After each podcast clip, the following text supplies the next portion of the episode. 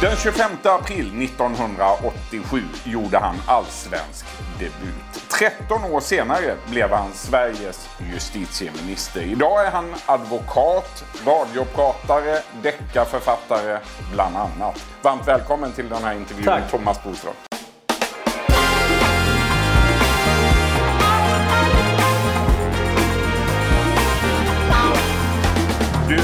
Vi börjar från början. Du föddes i Uppsala 1962. Växte upp i en villa, sen i Sollentuna.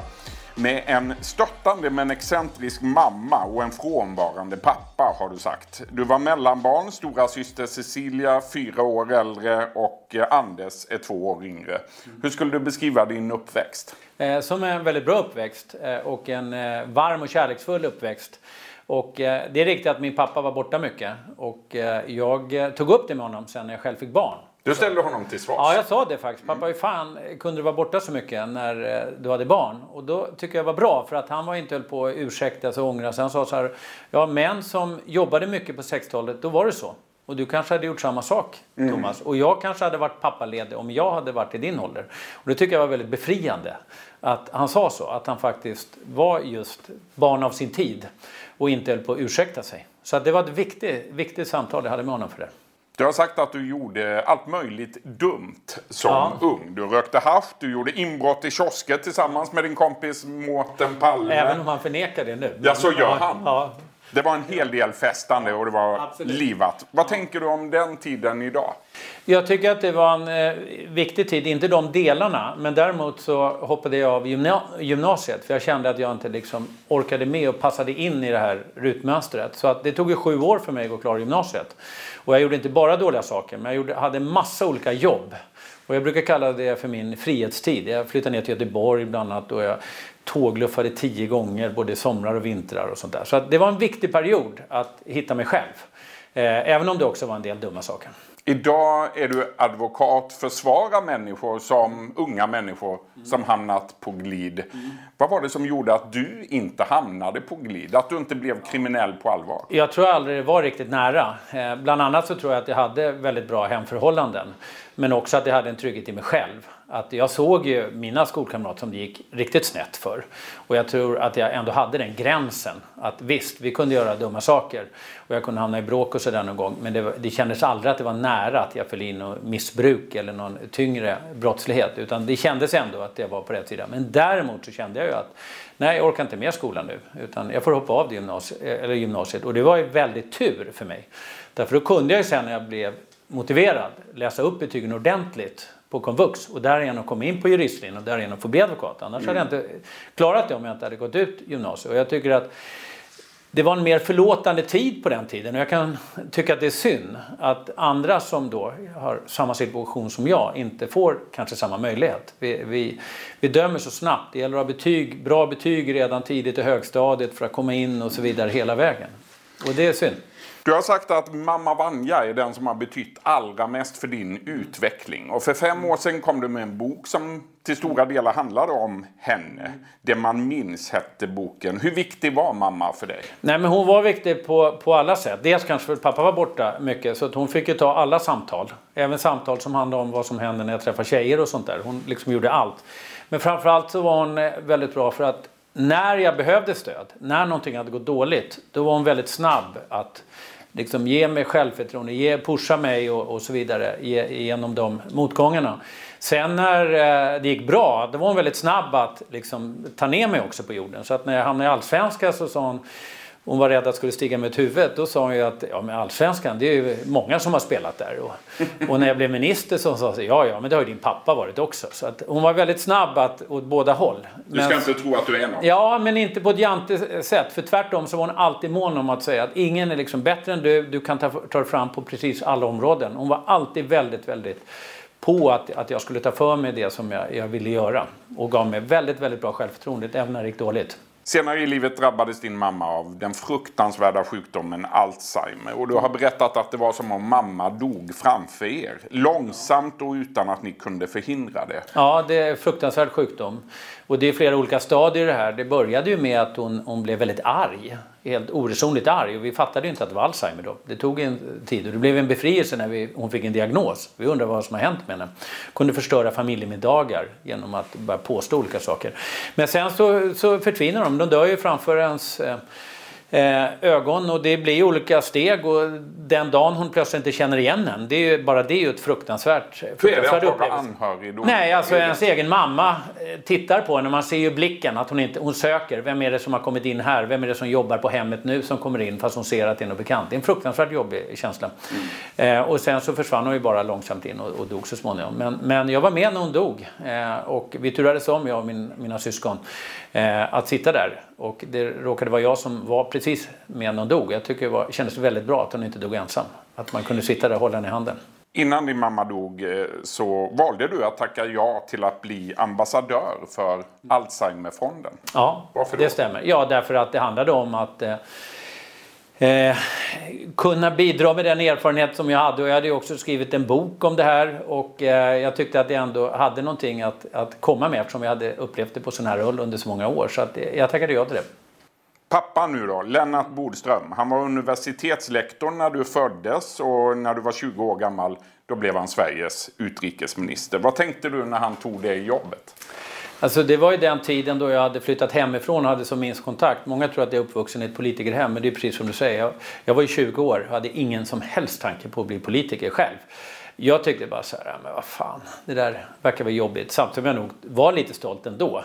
Men på den tiden så var det så att eh, jag åkte hem och käkade hos mina föräldrar i Sollentuna några gånger om året. Det var den period jag hade nog som minst kontakt med dem, utan att vara osams på något sätt. Men, men det blev lite märkligt att börja följa honom i media på ett annat sätt. Mm. Än, än där var tidigare. Han var treårsordförande men då var det några gånger om året. Men, men nu blev det nästan varje dag.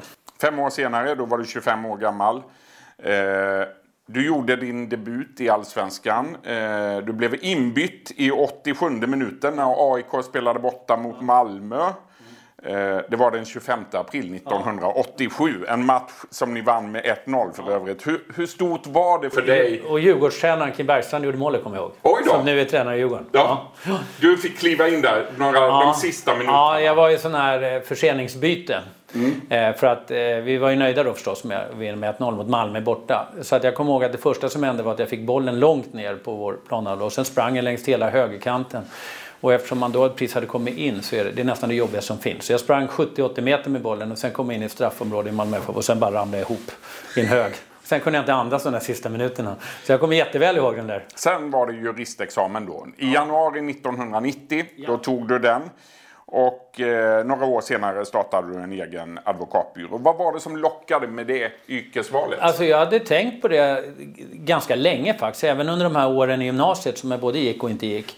Och det var den här eh, bilden av den ensamma advokaten, kampen, fighten mot eh, en myndighet eller staten, polisen, allt det som är mycket större. Den ensammas kamp. Och faktum är att den där bilden stämmer en hel del. Man är ganska ensam mot, mot väldigt mycket kompakt kompetent motstånd. Som Vad är det som lockar med det då? Ja, men det är väl tävlingsinstinkten, också ändå någon form av att man, man vill driva på någonting som man tror på, som man ändå, det kan ju låta högtravande, men, men ändå någonting som man verkligen vill ändra eller tro på. Att man, sen är det tävlingsinstinkten också, definitivt, så är det. Du, den 29 eh, oktober 1998 då började det brinna i en festlokal i eh, Backaplan i Göteborg. Mm. Den så kallade diskoteksbranden. 63 unga människor miste livet mm. i den branden. Och du blev målsägande beträde för många av deras anhöriga. Hur var det? Det var en rättegång som jag aldrig kommer glömma. Eh, men det var ju också kontakten med alla de här människorna som hade drabbats så fruktansvärt hårt.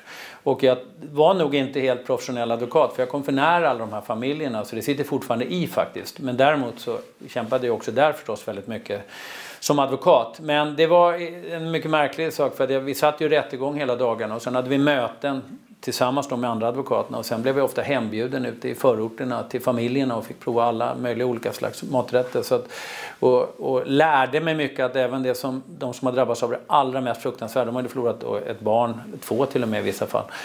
ändå orkade se framåt. För som de sa, vi har flera andra barn. Vi kan inte bara släppa. Så att det, det var en upplevelse som jag aldrig kommer glömma. Och, eh, jag har haft kontakt med flera av dem under åren.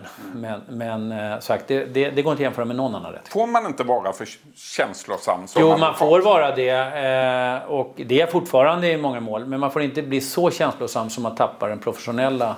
Och det är därför eh, professionella delen. Och det är därför man inte ska företräda någon av sina bästa kompisar eller sina egna syskon eller någonting. För då, då har man bara engagemang. Men man är inte professionell distans. Och det måste man ha. Det är som att vara boxare ungefär. Två år senare, efter den här branden, Ja. då har du blivit känd som advokat i hela landet för du Ja. syntes i tv-sändningarna. Då ringer din telefon. Då är det Göran Persson som ringer och han vill att du ska bli landets justitieminister. Vad tänkte du när du fick det Ja, samtalet? det var faktiskt så. Det var Per Nuder som ringde först som var statssekreterare. ringde Ringde, först. och frågade om jag kunde komma på någon bra kandidat till justitieminister. Så jag började räkna upp olika personer jag tänkte kunde vara. Men då sa han så här. Ja men du själv då? Är du intresserad? Då blev jag alldeles tyst. För jag trodde att det här är någon förlängd svensexa-grej. Alltså, nu kommer mina tio bästa kompisar hoppa fram och säga vad fan trodde du? Kan vi inte bli du? Du har ingen erfarenhet. Du är ju bara 38 år. Men eh, vi träffades i alla fall jag och Göran. Eh, på Sagerska huset eller palatset. Och det var också ett problem för det visste jag inte var det låg. Det vågade jag inte fråga Pär Nuder. Eh, utan jag fick fråga min pappa som visste var det låg. Han visste var det Ja, låg. men så träffades vi och fick väldigt bra kontakt direkt. Eh, Men jag kände ändå att jag var ganska mesig. Eh, Så när jag kom ut därifrån kände jag att det här blir ingenting. Där kan jag, han kan ju aldrig tycka att jag är värdig att vara justitieminister i det här landet. Men vi fick bra kontakt, det fick vi. Och det blev politiken för dig i Det blev ett politik. decennium. Ja, I faktiskt. tio år Ja. och fyra dagar tror jag. Ja, det är typ så. Jag vet att det var runt tioårsgränsen. Ja. Ja. Hur skulle du beskriva de tio åren idag? Jag är väldigt glad att jag har gjort dem. Eh, Men det var också väldigt tufft, särskilt när jag var i regeringen. Det var väldigt Vad var tuffast? Ja, att man varje dag eh, blev förbannad på något. Det var ju ständiga problem och det är så, så det är att vara politiker. Eh, Även när det gick bra så var det varvat hela tiden med motgångar. Men det var otroligt spännande att ändå få vara i, i, alltså, i det absoluta centrum av händelserna i Sverige. Det som hände, det som rapporterades på morgonen, det blev ens vardag den dagen. Så det var otroligt spännande. Sen kan jag säga att jag var lyckligt lottad av två skäl. Dels så fanns det inte sociala medier på samma sätt. Vi slapp de här hetska hatkampanjerna, även om folk kunde vara arga på mejl. Det var det ena. Det andra är, det var liksom lite ordning och reda på. Vi hade majoritet i riksdagen. Kunde jag bara övertyga finansen och våra samarbetspartier, då kunde vi faktiskt genomföra något. Och, och, Det är stökigare idag. Jag har säkert frågat dig tio gånger Thomas eh, om du har några comebackplaner. Kan det bli en politisk comeback i framtiden? Jag, jag ställer frågan igen men jag tror jag vet svaret. Ja, eh, och jag säger det som att nu är det inte aktuellt. Nej. särskilt inte nu med advokatverksamhet som växer. Men jag ska inte helt utesluta det någon gång i framtiden. Det, så är det Du faktiskt. är bara 57 år gammal. Ja. Tillbaka till nutiden då. då. För, eh, för bara några veckor sedan då släpptes din nya bok När folkmordet kom till Sverige, en advokats dilemma. Varför skrev du den boken? Jo, därför att det är utöver Göteborgsbranden det, det mål som har påverkat mig allra, allra mest. Eller två mål. Och det var ju så konstigt så att jag var målsägandebiträde, alltså företrädde brottsoffer i en rättegång i Sverige, men mot en person som då eh, har blivit svensk medborgare men är från Rwanda under folkmordstiden. Och då var jag målsägandebiträde. Jag tyckte Rwanda var ett fantastiskt land. Det hade rest sig ur de här fruktansvärda händelserna. Och jag var väldigt positiv till det. Och sen blev jag ju då försvarare för en person. Och då såg jag ett helt annat Rwanda. Jag såg en diktatur, en totalitär diktatur. Vi kunde inte få några vittnen att ställa upp. Vi fick höra om människor som hade försvunnit, som hade mördats till och med. Eh, och framförallt så såg vi att vår klient hade blivit totallurad av Säpo faktiskt. För de hade fått honom att ställa Den svenska upp. säkerhetspolisen. Svenska säkerhetspolisen. Eh, på ett sätt som jag är oerhört kritisk till.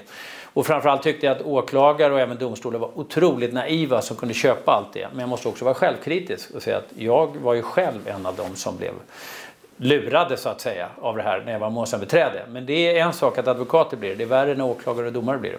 Så att det där är, jag brukar aldrig eh, ta för hårda ord därför jag har väldigt stor respekt för åklagare och domare. Jag tycker de är väldigt duktiga och bra. Men i det här fallet så är det faktiskt någon form av rättsskandal. Just nu Thomas försvarar du en 62-årig man som har åtalats för dråp på sin hustru.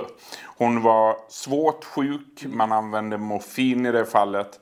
Och eh, ja, vad säger du om eh, det den här mannen har varit med om?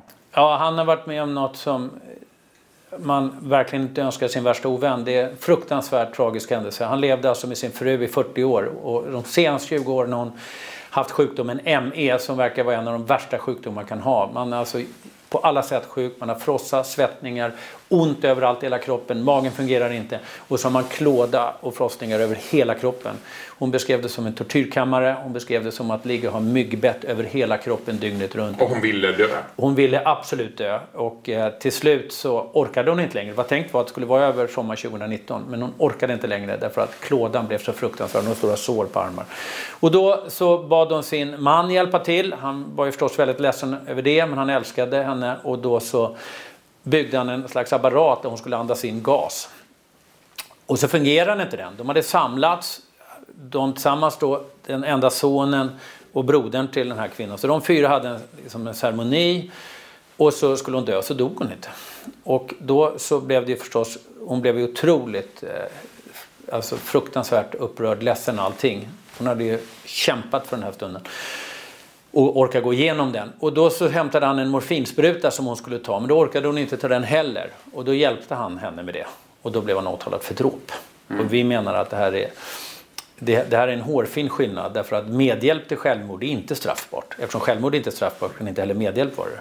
Men aktiv dödshjälp är det. Så det är frågan hur aktiv har han varit i det här fallet? I förhållande till, är det ett förlängt självmord? Och den här rättsprocessen den pågår nu? Den pågår nu vad står, du, nästa vecka. I, vad står du i frågan om aktiv dödshjälp? Jag tycker absolut att man ska utreda det här. Tiden har gått så att vi ser också att andra länder har det.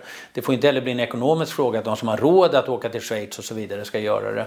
Och man måste se tydligare på det här, vad är den här gränsen? Och jag tycker absolut att är det frågan om en, en medhjälp till självmord, då ska det inte vara straffbart. Och det tycker jag att man ska utvidga så det inte blir den här exakta gränsen som är, eller i alla fall den är för nära. Att det är så stor skillnad blir helt straffbefriat till dråp. Däremot så är det förstås en svår fråga. Därför att den här kvinnan har varit sjuk i 20 år. Men man kan inte ta någon som varit sjuk i ett halvår eller man inte vet att den här personen kommer bli frisk. Så man ska vara medveten om att det är stora svårigheter också. Försökte du undvika den svårigheten när du själv var minister?